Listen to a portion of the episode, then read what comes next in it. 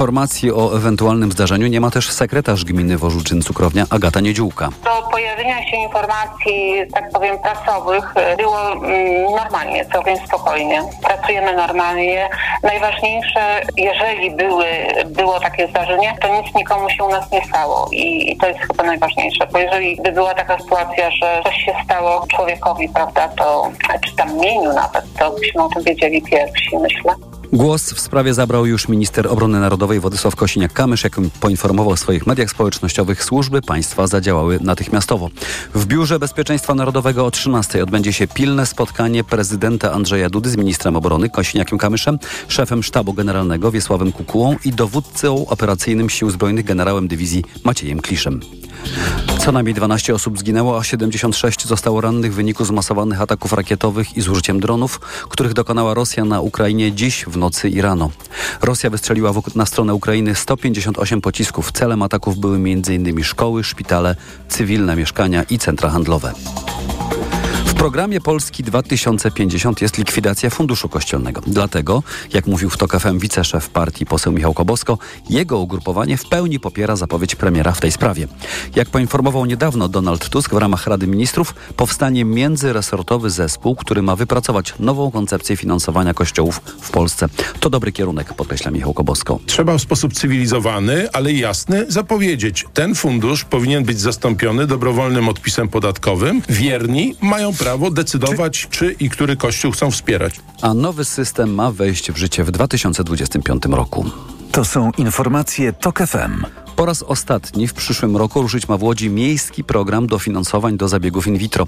Nabór wniosków ma rozpocząć się 2 stycznia. Bartosz Kądziołka. To ostatni rok łódzkiego programu, bo w czerwcu wrócić ma krajowy. W 2016 zlikwidowany przez rząd PiS, mówi łódzki poseł i były szef Miejskiego Departamentu Zdrowia Paweł Bliźniuk. Tak, żeby nie było żadnej luki, przerwy i żeby każdy miał pełną świadomość, taką gwarancję, że może korzystać, jeżeli jeszcze nie z tego rządowego programu od 1 czerwca, tak w ustawie jest wpisane, ma on ruszyć, to z tego lokalnego lokalnego łódzkiego. Zasady łódzkiego programu pozostają bez zmian, mówi wiceprezydent miasta Adam Wieczorek. Mogą z niego korzystać związki formalne, związki nieformalne, pary do 40 roku życia, chyba że za decyzją lekarza panie do 42 roku życia. A na każdą z trzech prób można dostać do 5 tysięcy złotych. Jak dotąd dzięki miejskiemu dofinansowaniu na świat przyszło niemal pół tysiąca dzieci. Z Łodzi Bartosz Kądziołka, TOK FM. W informacjach TOK FM Sport. Dziś w niemieckim Oberstdorfie odbędzie się pierwszy konkurs 72. turnieju czterech skoczni. Wystartuje w, nim, wystartuje w nim wszystkich sześciu naszych skoczków narciarskich, którzy pojechali do Niemiec. Tyle, że ich wyniki z kwalifikacji nie napawają optymizmem. Przemysław Pozowski. Najgorszy z Niemców Stefan Laje był w kwalifikacjach 12, najlepszy z Polaków Piotr Żyła 26. Nasz mistrz świata po delikatnie mówiąc średnim skoku rzucił tylko do dziennikarzy, że nie ma o czym gadać, może i dobrze, za to bardziej rozmowny był dla Eurosportu Kamil Stoch w kwalifikacjach dopiero 37. No, ogólnie odczucia z tego dnia są kiepskie kiepskie, no bo wszystkie skoki były... Co prawda ze skoku na skok się poprawiałem, no to jest taki, takie, takie światełko w tej ciemności. Dawid Kubacki, wczoraj 27, który tuż przed świętami się rozchorował, jego występ w turnieju stał pod znakiem zapytania. Powiedział tej stacji, że nie przyjechał do Niemiec z musu. Na takie zawody się z musu nigdy nie przyjeżdża i chciałem tutaj być na pewno, a no na szczęście ta gorączka była tak naprawdę no z grubsza jedno-dwudniowa. Dzisiejszy konkurs rozpocznie się o godzinie 17.15. Przemysław Pozowski, TOK FM. A kolejne informacje o 12.20. Za chwilę prognoza pogody. Pogoda. Dziś na południu zachmurzenie małe i umiarkowane, na północy więcej chmur i opady deszczu. Na północnym zachodzie mogą pojawić się burze. Przed nami kolejny ciepły dzień, zimowy, 5 stopni na Podlasiu, 8 w centrum i na Pomorzu, 10 stopni na Dolnym Śląsku, 11 w Małopolsce. Radio TOK FM. Pierwsze radio informacyjne. Popołudnie Radia TOK FM. Dzień dobry, przed mikrofonem Marta Perchuć-Burzyńska w popołudniu Radia Tok FM, które dziś wydaje Martyna Osiecka, a realizuje Kamil Wróblewski. Moimi Państwa gośćmi są krytycy teatralni Anyta Kyzioł, dziennikarka tygodnika Polityka, witaj. Dzień dobry. I Witold Mrozek, dział Kultura Gazety Wyborczej. Dzień dobry. Będziemy rozmawiać oczywiście o teatrze i postaramy się podsumować rok 2023 w tej dziedzinie. Właśnie zacznijmy od dialogu. legendarnego pisma teatralnego, którego sprawą środowisko teatralne przede wszystkim żyło w mijającym roku, do którego minister Piotr Gliński wprowadził kilka miesięcy temu zaufanego człowieka swoich ludzi, czyli Antoniego Wieńcha, mimo protestów zespołu. No i mamy przełom. Co się wydarzyło wczoraj? E, wczoraj e, redakcja dialogu w osobie Joanny Krakowskiej, zastępczyni naczelne, redaktora naczelnego tego pisma od wielu lat, ogłosiła, że e, dyrektor Instytutu Książki Dariusz Jaworski zapowiedział konkurs na stanowisko nowego, dyrekt, nowego redaktora naczelnego. Wcześniej jakoś takiego konkursu nie dało się zrobić ustępującego naczelnego Antoniego Wincha redakcja poznała w momencie wejścia mhm. jego osoby e, do siedziby redakcji. Był tak, mówiło się o nim redaktor w teczce. Redaktor w teczce. Mhm. E, Antoniemu Winchowi po ośmiu miesiącach protestów ewidentnie już znudziło się kierowanie tym pismem wbrew woli współpracowników. Można się dziwić, że aż tak długo wytrzymał. E, problem polega jedynie na tym, że teraz pismo Dialog nie będzie przez co najmniej trzy miesiące wychodzić, więc Instytut Książki nie będzie się wywiązywał ze swojego no, powierzonego przez ministra kultury zadania, którym jest wydawanie między innymi tego pisma pośród innych pism patronackich. No, tak, czyli z jednej strony y, sukces, ale z drugiej taki stan zawieszenia i niepewność, co będzie dalej. No to nie, jedy, nie jedyna pewnie taka e, instytucja teraz. No, e, pytanie, jak zostanie zorganizowany ten konkurs i pytanie, czy e, dyrektor Instytutu Książki mógł coś takiego teraz zrobić, czyli mógł zawiesić, czy to jest zgodne z prawem, mógł zawiesić wydawanie pisma, którego wydawanie jest jego no, jakby statutowym obowiązkiem. No myślę, że tak jak w kwestii telewizji publicznej i wielu innych, prawnicy pewnie będą mieli tutaj zdania dosyć sprzeczne i będziemy w takim, e, w takim zawieszeniu. No ale dialog już w takim zawieszeniu jest od kilku miesięcy, bo pamiętamy, że e, po przejęciu przez dobrą y, zmianę y, no, ukazywały się, ten, ten, właściwy dialog się nie ukazywał, y, natomiast ukazywał się dialog w podziemiu, można powiedzieć, czyli dialog Puzyny, mhm. no więc finansowany przez miasto Warszawa. Mhm. No więc no, to już jest jakby kontynuacja takiego stanu dziwnego. No tak, i co pracownicy redakcji dialogu mają robić przez te trzy miesiące, bo zostali oddelegowani do pewnych zadań. Z tego, co czytałam w twoim tekście, w Gazecie Wyborczej. Mają archiwizować i digitalizować yy, dawne numery dialogu do wykorzystania ich cyfrowo. No to jest pożyteczna, pożyteczna praca. praca. bo dialog istniejący od 56 roku ma wspaniałe, nieporównywalne z niczym właściwie e, archiwum. No natomiast... Yy, niezależnie od tego, jak bardzo chciałbym, by istniało takie internetowe archiwum i muzeum dialogu, to jest jakąś sytuacją bardzo dziwną, że przez te 8 miesięcy urzędowania Antoniego Wincha w dialogu ukazały się do tej pory dwa numery. Tam były wielo, wielomiesięczne przestoje. Teraz dopiero te, te, te numery redagowane samodzielnie przez Antoniego Wincha były dwa, kolejne ma być na wiosnę. No pytanie też, czy w momencie ogłoszenia tego, w momencie, kiedy ten, ten konkurs jest zaplanowany, bo jego ogłoszenie ma nastąpić według tego pisma ujawnionego 8 stycznia, czy dyrektor Dariusz Jaworski będzie jeszcze dyrektorem, mhm. ponieważ tam też były różne zastrzeżenia do jego pracy, a widzimy, że minister Bartłomiej Sienkiewicz no, z dość dużą werwą wziął się do porządkowania spraw po swoich poprzednikach. Przejdźmy teraz, jeśli pozwolicie, do najbardziej gorącej sprawy ostatnich miesięcy, czyli tego, co wydarzyło się i wydarza w Teatrze Dramatycznym w Warszawie. Władze miasta rozpoczęły procedurę odwołania Moniki Strzemki ze stanowiska dyrektorki, która przez część pracowników teatru była oskarżana o mobbing. Wśród najważniejszych zarzutów władz miasta wobec Strzępki jest zarządzanie instytucją w sposób odbiegający od zamierzeń, cytuję, i wartości wskazanych w programie działania instytucji, w tym nierealizowanie koncepcji programowej. Monika Strzępka na stanowisku chce pozostać i twierdzi w wydanym y, dwa dni temu oświadczeniu, że nie stosuje przemocy i że stała się ofiarą pomówień i hejtu medialnego. No i jak oceniacie dzisiaj tę sytuację? Jakbyście ją podsumowali? E, no Monika Strzępka tam zaapelowała w, e, w tym swoim ostatnim, e, jak na razie, oświadczeniu. Tym sprzed dwóch dni. Tym sprzed dwóch dni o fakty i dowody, tak. No, Pytanie, czy takie dostaniemy, bo na razie mm, jednak są to słowa przeciwko słowom w dużej mierze, e, więc zobaczymy, czy, czy w tej materii coś się zmieni. E, druga rzecz jest e, no, też taka, e, i tutaj w sumie trudno się nie zgodzić z miastem, że te założenia, które ona przedstawiała, czyli teatr inkluzywny e, i też mowa była o tym, że jednak pracownicy, którzy e, chcą współuczestniczyć w tej nowej wizji e, teatru, będą mogli to, to robić, a potem jednak masowe zwolnienia. No to tutaj na pewno jest, jest problem. No i kolejnym problemem, jak rozumiem, który może być jakąś podstawą, czyli o, e, oskarżenia o niegospodarność, nierealizowanie kontraktu, no jest ta odwołana premiera grudniowa HEX, wcześniej przełożona. E, No więc pytanie, jak to się, jak to się rozwiąże. E, W teatrze działają bodaj dwie, e, czy już działa e, e, jedna inspe, inspekcja, pra, Państwowa Inspekcja, Inspekcja Pracy. Pracy, tak. A kontrola styczniu- miasta ma wyjść na W styczniu ma wyjść kontrola miasta. No zobaczymy wokół tego tego sporu tak, na, i, i sytuacji w teatrze narosły już rozmaite legendy, historie.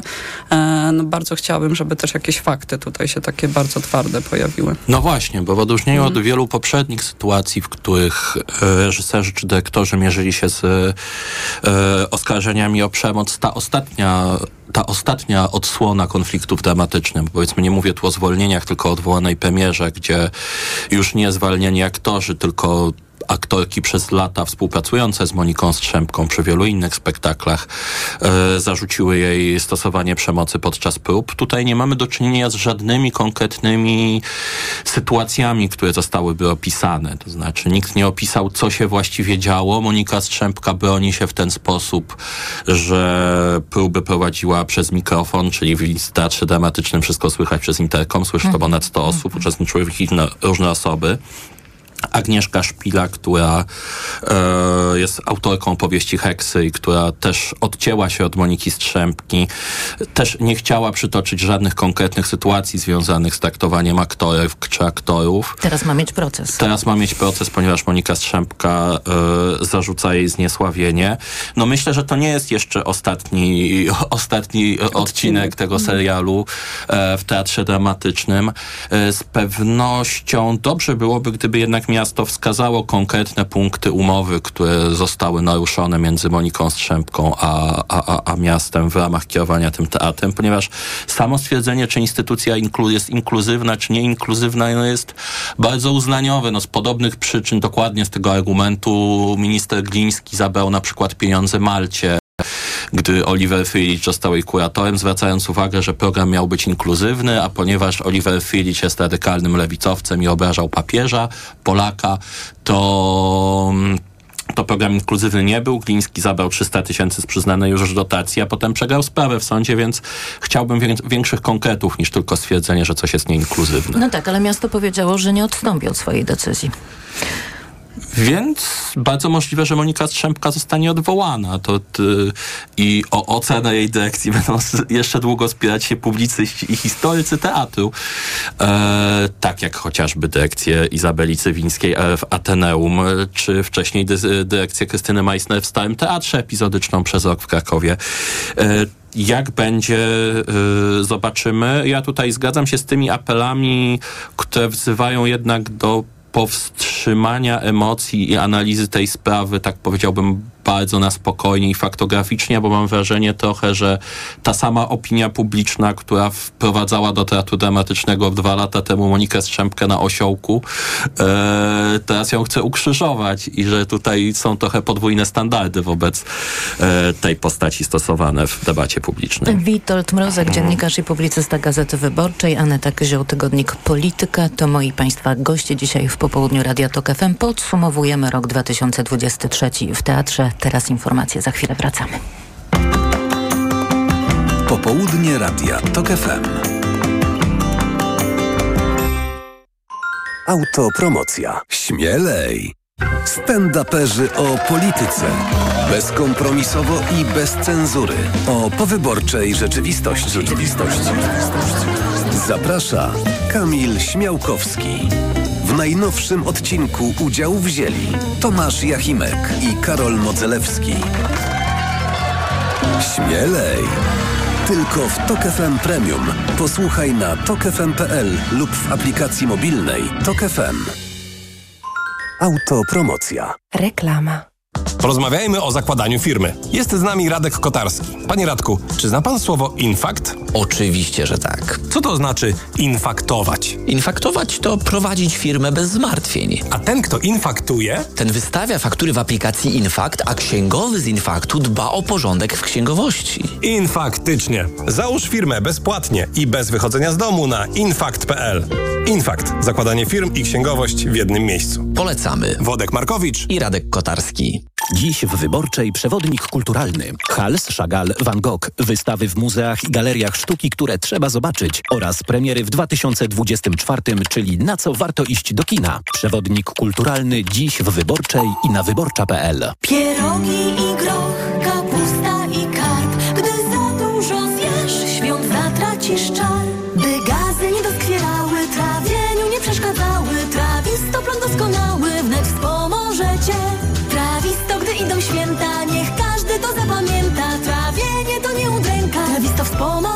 Trawisto to suplement diety, który zawiera składniki takie jak wyciąg z mięty pieprzowej, ostryżu długiego i ekstrakt z owoców kopru, który wspomaga trawienie. Trawisto. I trawisz to. Aflofarm. Febrisan na grypę i przeziębienie. Febrisan na katar i gorączkę. Febrisan na ból gardła i głowy. Febrisan. Wszędzie Febrisan. I dobrze, gdy przeziębienie wywraca życie do góry nogami, to on stawia na nogi. Febrisan przywraca codzienną równowagę. To jest lek. Dla bezpieczeństwa stosuj go zgodnie z ulotką dołączoną do opakowania. Zwróć uwagę na przeciwwskazania. W przypadku wątpliwości skonsultuj się z lekarzem lub farmaceutą. Febrisan. Jedna saszetka 5 gramów proszku mówiącego zawiera 750 mg paracetamolu, 60 mg kwasu ascorbowego i 10 mg chlorowodorku fenefryny. Wskazania. Krótkotrwałe leczenie objawów przeziębienia i grypy takich jak gorączka, dreszcze, katar głowy, mięśni, zapach. Podmiot odpowiedzialny. Orifarm Healthcare AS.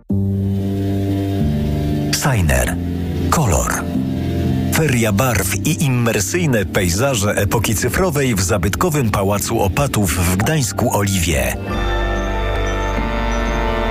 Wielkoformatowe eksperymenty z kolorem, formą i rytmem. Na wystawę zaprasza Muzeum Narodowe w Gdańsku.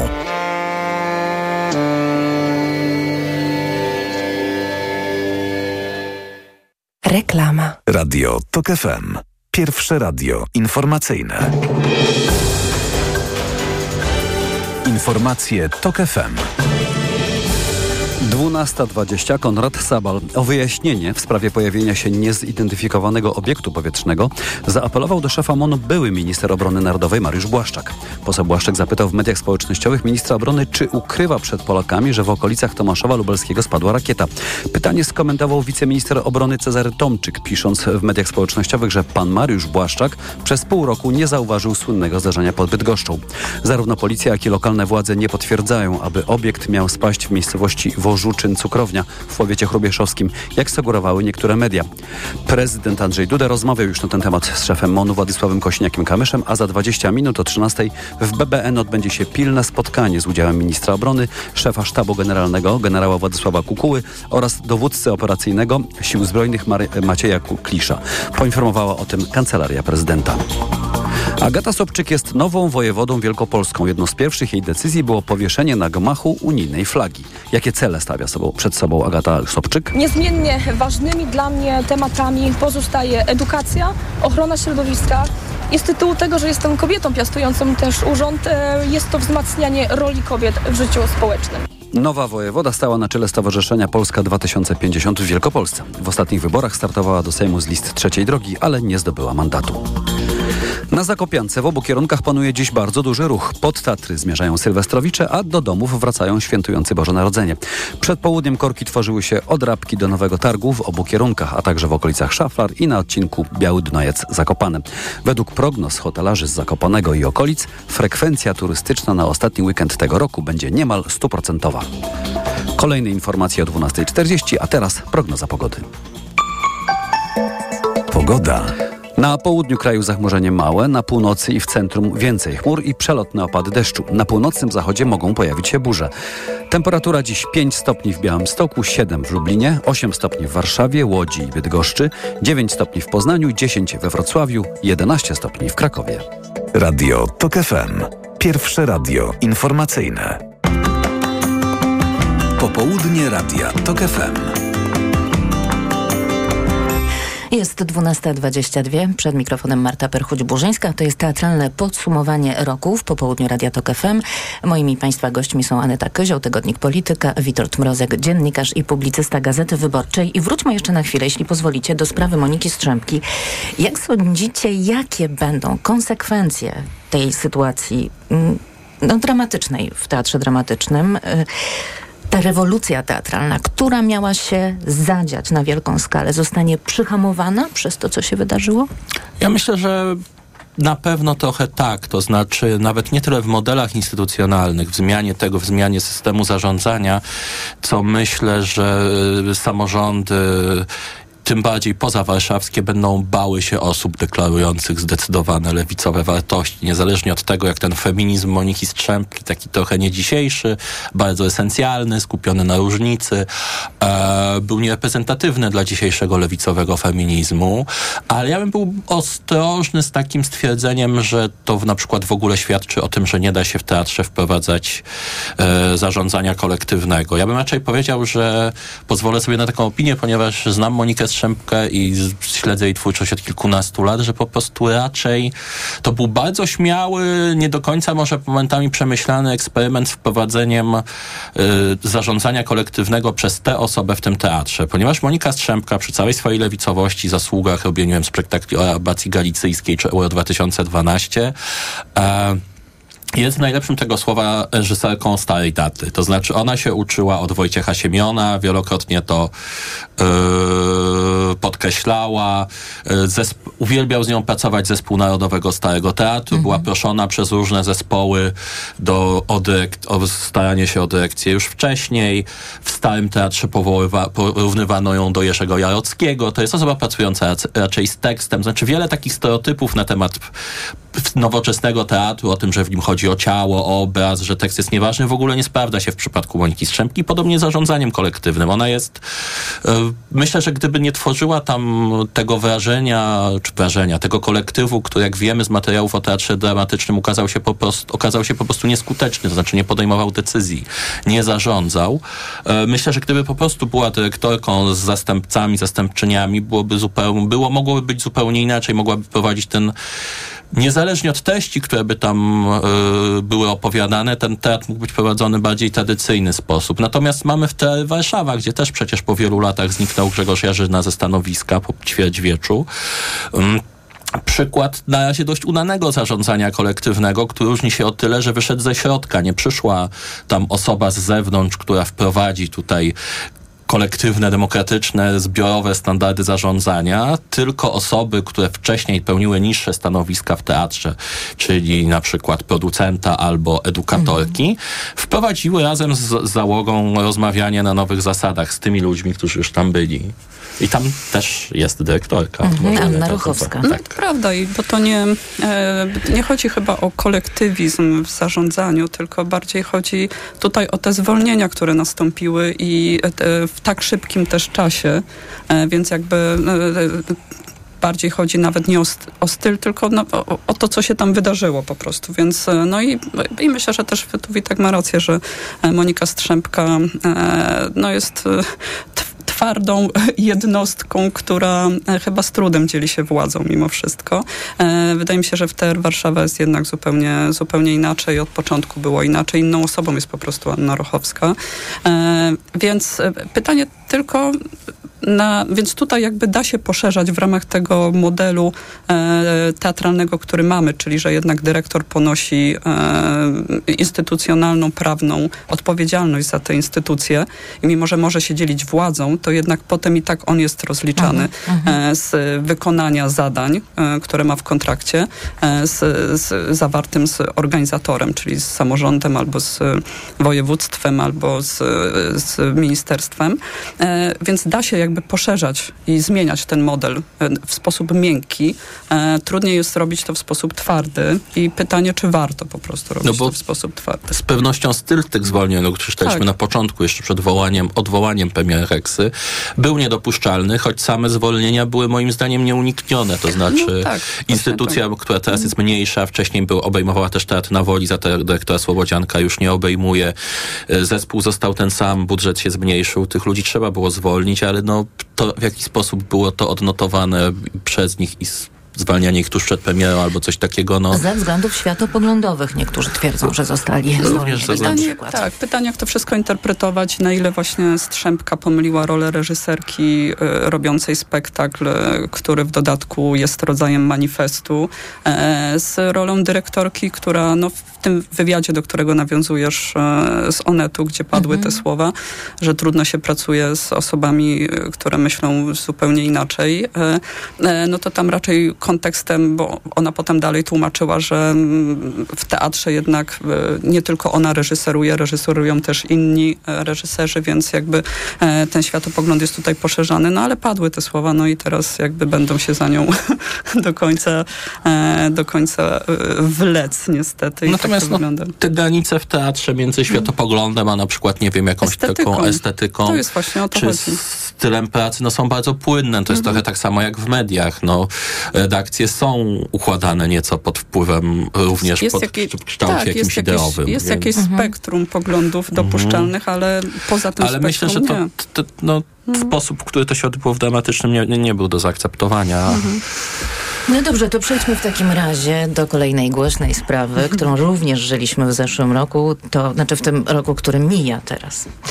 To y, oczywiście wydarzenia związane z Krystianem Lupą i odwołanej genewskiej premiery po tym, jak część pracowników oskarżyła go o autorytarne metody pracy, czyli kolejna sytuacja w teatrze, y, która sprowokowała sporą dyskusję o przemocy, o przemocowości, ale czy coś więcej? Ostatecznie Lupa wystawi emigrantów, z tego co wiemy, w paryskim Odeonie, Odeonie czyli jednej z najważniejszych scen y, Tak. y, w Chociaż Europie. innym zespołem technicznym. Ale e, tym samym aktorskim. ale tym samym aktorskim. e, No bo tu jest ten, ten podział. Zdaje się, że e, w teatrze powszechnym wcześniej przy e, produkcji Capri zaczęły się te problemy, e, gdzie e, zespół techniczny e, czuł się albo, albo był, bo też znamy tutaj mm, jakby dwie strony e, relacji, e, źle traktowany. Zresztą na premierze e, Capri była taka sytuacja, z którą chyba wszyscy, którzy tam siedzieliśmy na widowni, poczuliśmy się kiepsko, kiedy w której uczestniczył Piotr Skiba, Tak, czyli kiedy- najbliższy współpracownik kiedy i Piotr towarzysz życia Skiba przerwał, przerwał po kilku minutach premierę i zarzucił akustykom, że ma źle ustawiony mikrofon i no, to są sytuacje, z którymi no, rzadko mamy do czynienia, e, więc było widać, że a, a, a przy tym jakby mikrofon był świetnie ustawiony, I Krystian. Lupa mówił mu, żeby po prostu grał dalej. Tak, więc... i Krystian Lupa, więc było widać, że są tam napięcia, że coś się musiało mm, zadziać e, e, złego, więc jakby ten problem na pewno narastał i pewnie w Genewie coś musiało być też na rzeczy, chociaż z opisów potem też tych pracowników e, technicznych, którzy e, nie rozumieli też tej metody pracy Krystiana Lupy, którą z kolei bardzo akceptowali aktorzy, czyli te niekończące się monologi. E, techniczni widzieli po prostu jakiegoś starszego pana, który przechadza się i wygłasza niekończące się historie z tłumaczką w dodatku jeszcze obok, która to wszystko musi przełożyć. Potem jeszcze ten krzyk i e, że tłumaczka potrzebuje, czyli awantura, którą Lupa zrobił tłumaczce, że potrzebowała e, wy, momentu wytchnienia między w, w, ciągu tych kilku godzin e, tłumaczenia takiego monologów.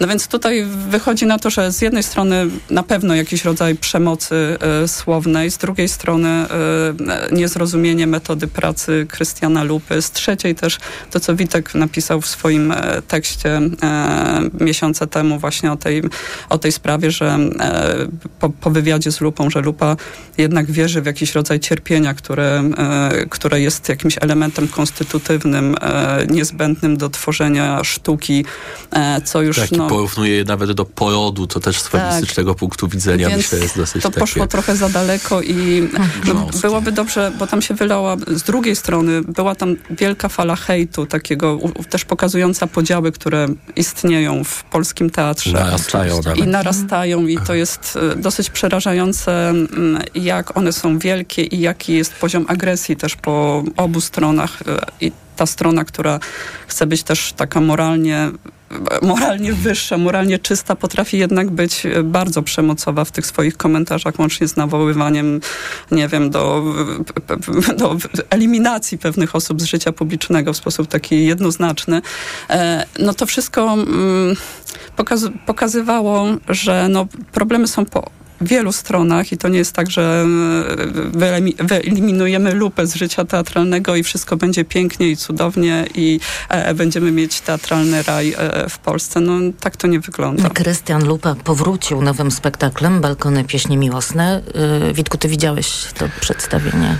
E, widziałem jego przedpremierową wersję, mm. przedpremiera jeszcze przede mną we Wrocławiu.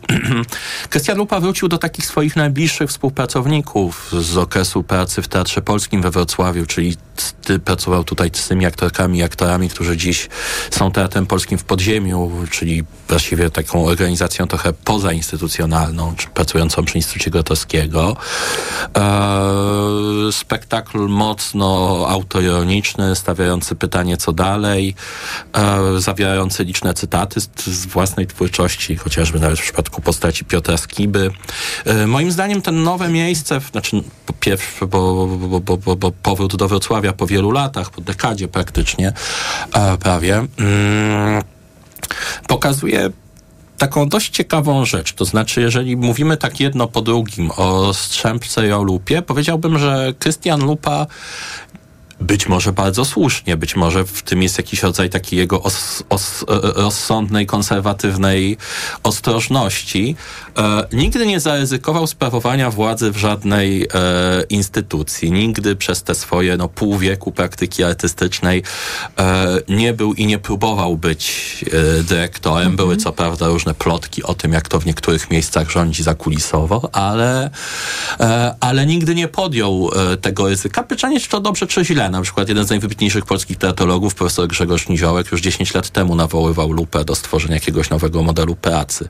Teraz Lupa powraca też w operze, co jest moim zdaniem bardzo ciekawe. E, będzie robił w Salzburgu e, Czarodziejską Górę według Tomasza Mana. I to też z jednej strony oczywiście sukces reżysera, który tutaj był już na skraju powiedzmy skancelowania, a z drugiej strony opera jest bardzo specyficznym miejscem, gdzie obowiązują bardzo specyficzne reguły pracy. To znaczy jest dużo bardziej taka standardowa, mniej, zostawia mniej miejsca na improwizację, snucie wewnętrznych podróży i tak dalej, więc to będzie zupełnie inny sposób pracy. I no, też zwłaszcza, że Lupa mia, ma na koncie już e, no, nieporadzenie sobie z, tym, z tą strukturą opery, bo wiele lat temu przecież e, skończyła się jego praca w operze e, no, no nie sukcesem, mówiąc delikatnie, no tak. więc tutaj e, no pytanie, kto się czego nauczył. E, bo ten e, mhm. emigranci, e, którzy mieli być pierwotnie zrealizowani w Genewie, potem pokazywani na festiwalu w Awinionie, ostatecznie będą pokazywani i zrealizowani w Teatrze Odeon w, w Paryżu, czyli prestiżowo, ale jednak pod bardzo silną superwizją, w tym sensie, że tam został zawarty bardzo szczegółowy kontrakt z wszystkimi ekipami. Tak. I więc no ciekawe, jakie wnioski Lupa też wyciągnie na przyszłość, czy bo był moment, kiedy on w wywiadach e, przyznawał, że czegoś się z tego nauczył i że, e, że jednak bierze część odpowiedzialności na siebie, ale po tej fali hejtu, która się wylała, e, jakby cofnął się. Mhm. Myślę, że wszyscy okopali się trochę wszyscy na swoich pozycjach. Wszyscy się okopali na tak. swoich pozycjach i bardzo się, bardzo bym nie chciała, żebyśmy nie wyszli jednak mądrzejsi z tych wszystkich konfliktów, bo tak podsumowujemy ten e, rok, który się kończy, no ale jesteśmy w przededniu tego nowego roku i wiadomo, zmieniła się władza E, więc e, pewne konflikty, które e, trochę były zakopywane pod dywan albo, albo mm, no, wszyscy musieli jakoś się wobec nich ustawiać, e, no teraz mogą mieć inne rozwiązanie, prawda? Możemy jaśniej o tym wszystkim mówić i e, więc pytanie, czy wyciągniemy z tego wnioski, czy ten nowy rok w kulturze będzie po prostu lepszy, sensowniejszy. No tak, a co władza, która odeszła po sobie pozostawiła, o tym też porozmawiamy w kolejnej części popołudnia Radia TOK FM. Za chwilę wracamy, teraz informacje. Popołudnie Radia TOK FM. Autopromocja. Boski podcast o świętach. Tylko w Tok FM Premium. Zaprasza Karolina Oponowicz. Czy buddyści zen odpalają w święta fajerwerki? Czy w Indiach można nie spędzać świąt z rodziną?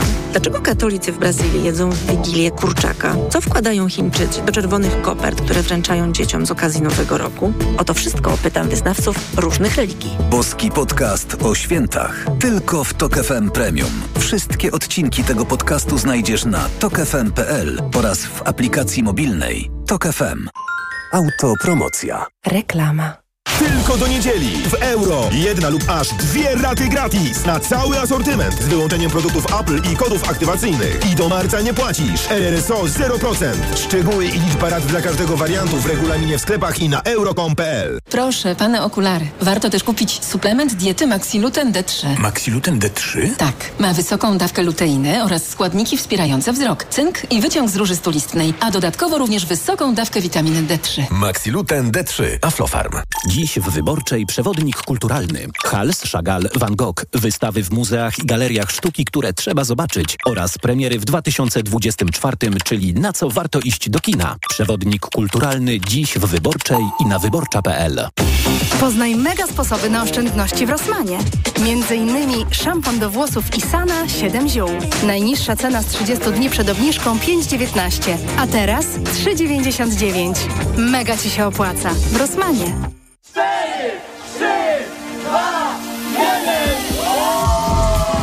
Już od piątku w Lidlu. Totalnie wystrzałowa oferta na koniec roku. Wszystkie chipsy i chrupki 2 plus 1 za 1 grosz. Miksuj dowolnie.